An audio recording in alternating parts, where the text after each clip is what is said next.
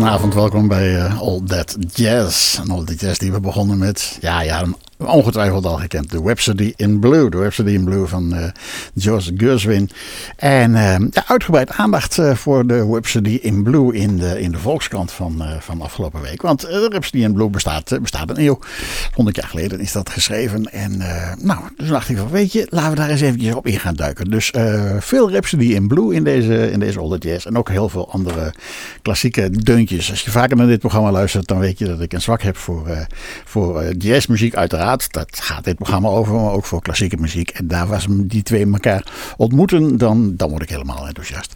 Dus, uh, en dat is in dit geval. Dit was de versie van uh, Duke Ellington. Een beetje een brave versie. Ja, ja, wel mooi gedaan. Het is wel echt Duke Ellington. Hè? Dus ja, die kan volgens mij helemaal niet slecht spelen. Maar wel een beetje braaf. Uh, iets, iets meer opwindend is deze versie.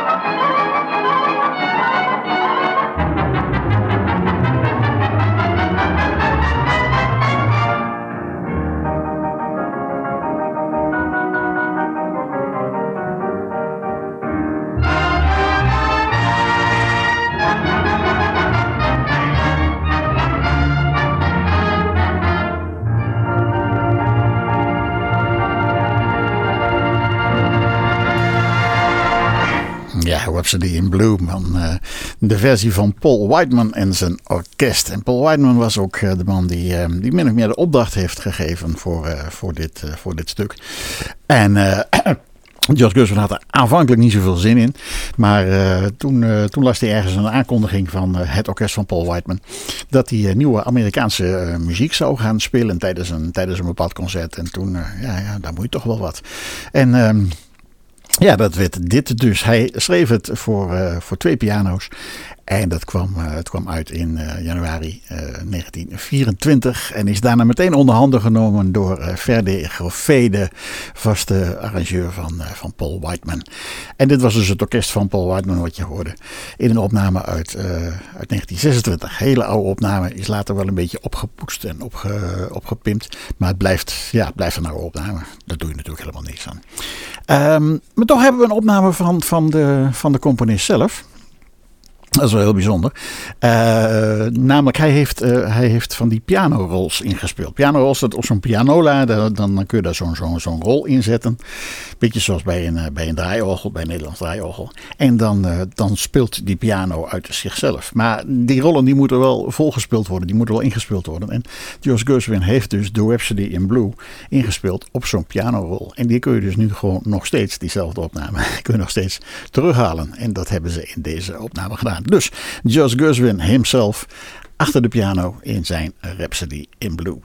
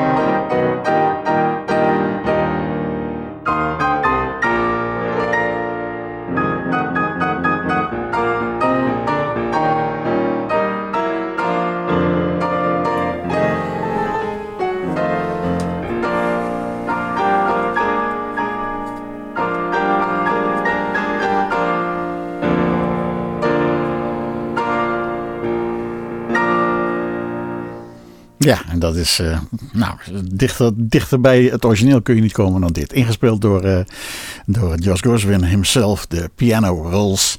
En, uh, en later is dat dus weer op zo'n op zo'n pianola gezet en, en, en teruggehaald. En daar een opname van gemaakt. Dat hoorde je. De Rhapsody in Blue van Josh Goswin. Een Rhapsody. Wat is een Rhapsody? Een Rhapsody is een, is een, een, muziekstuk.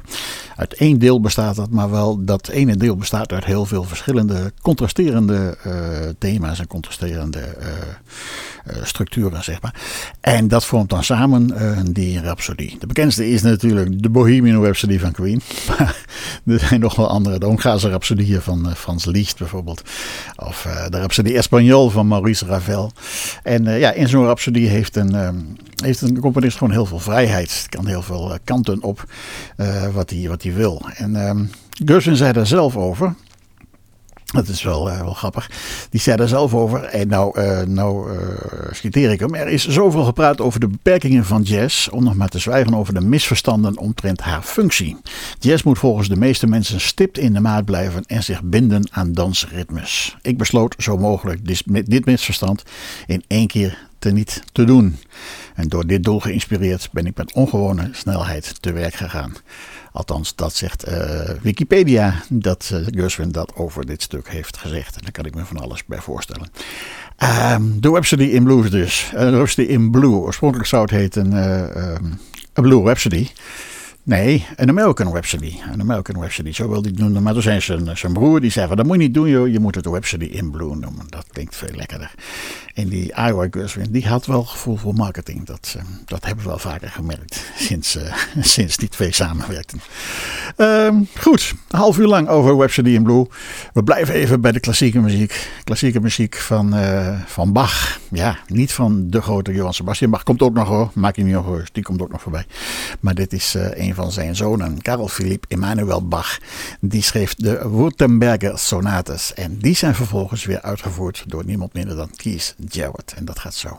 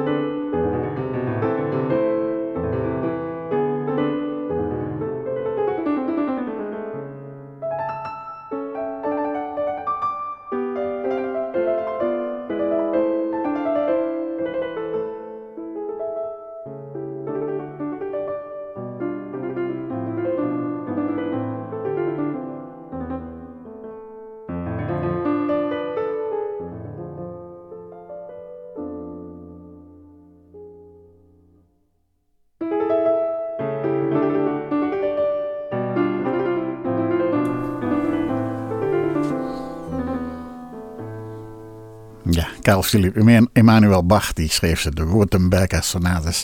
En Kies Djewert die voerde één van die sonates uit. De sonate nummer 1 in A mineur. Kies Djewert dus. Ehm, en toen David Hasseltine, die kan er ook wat van. De Bloemenwals. Ken je ongetwijfeld. Luister maar eens.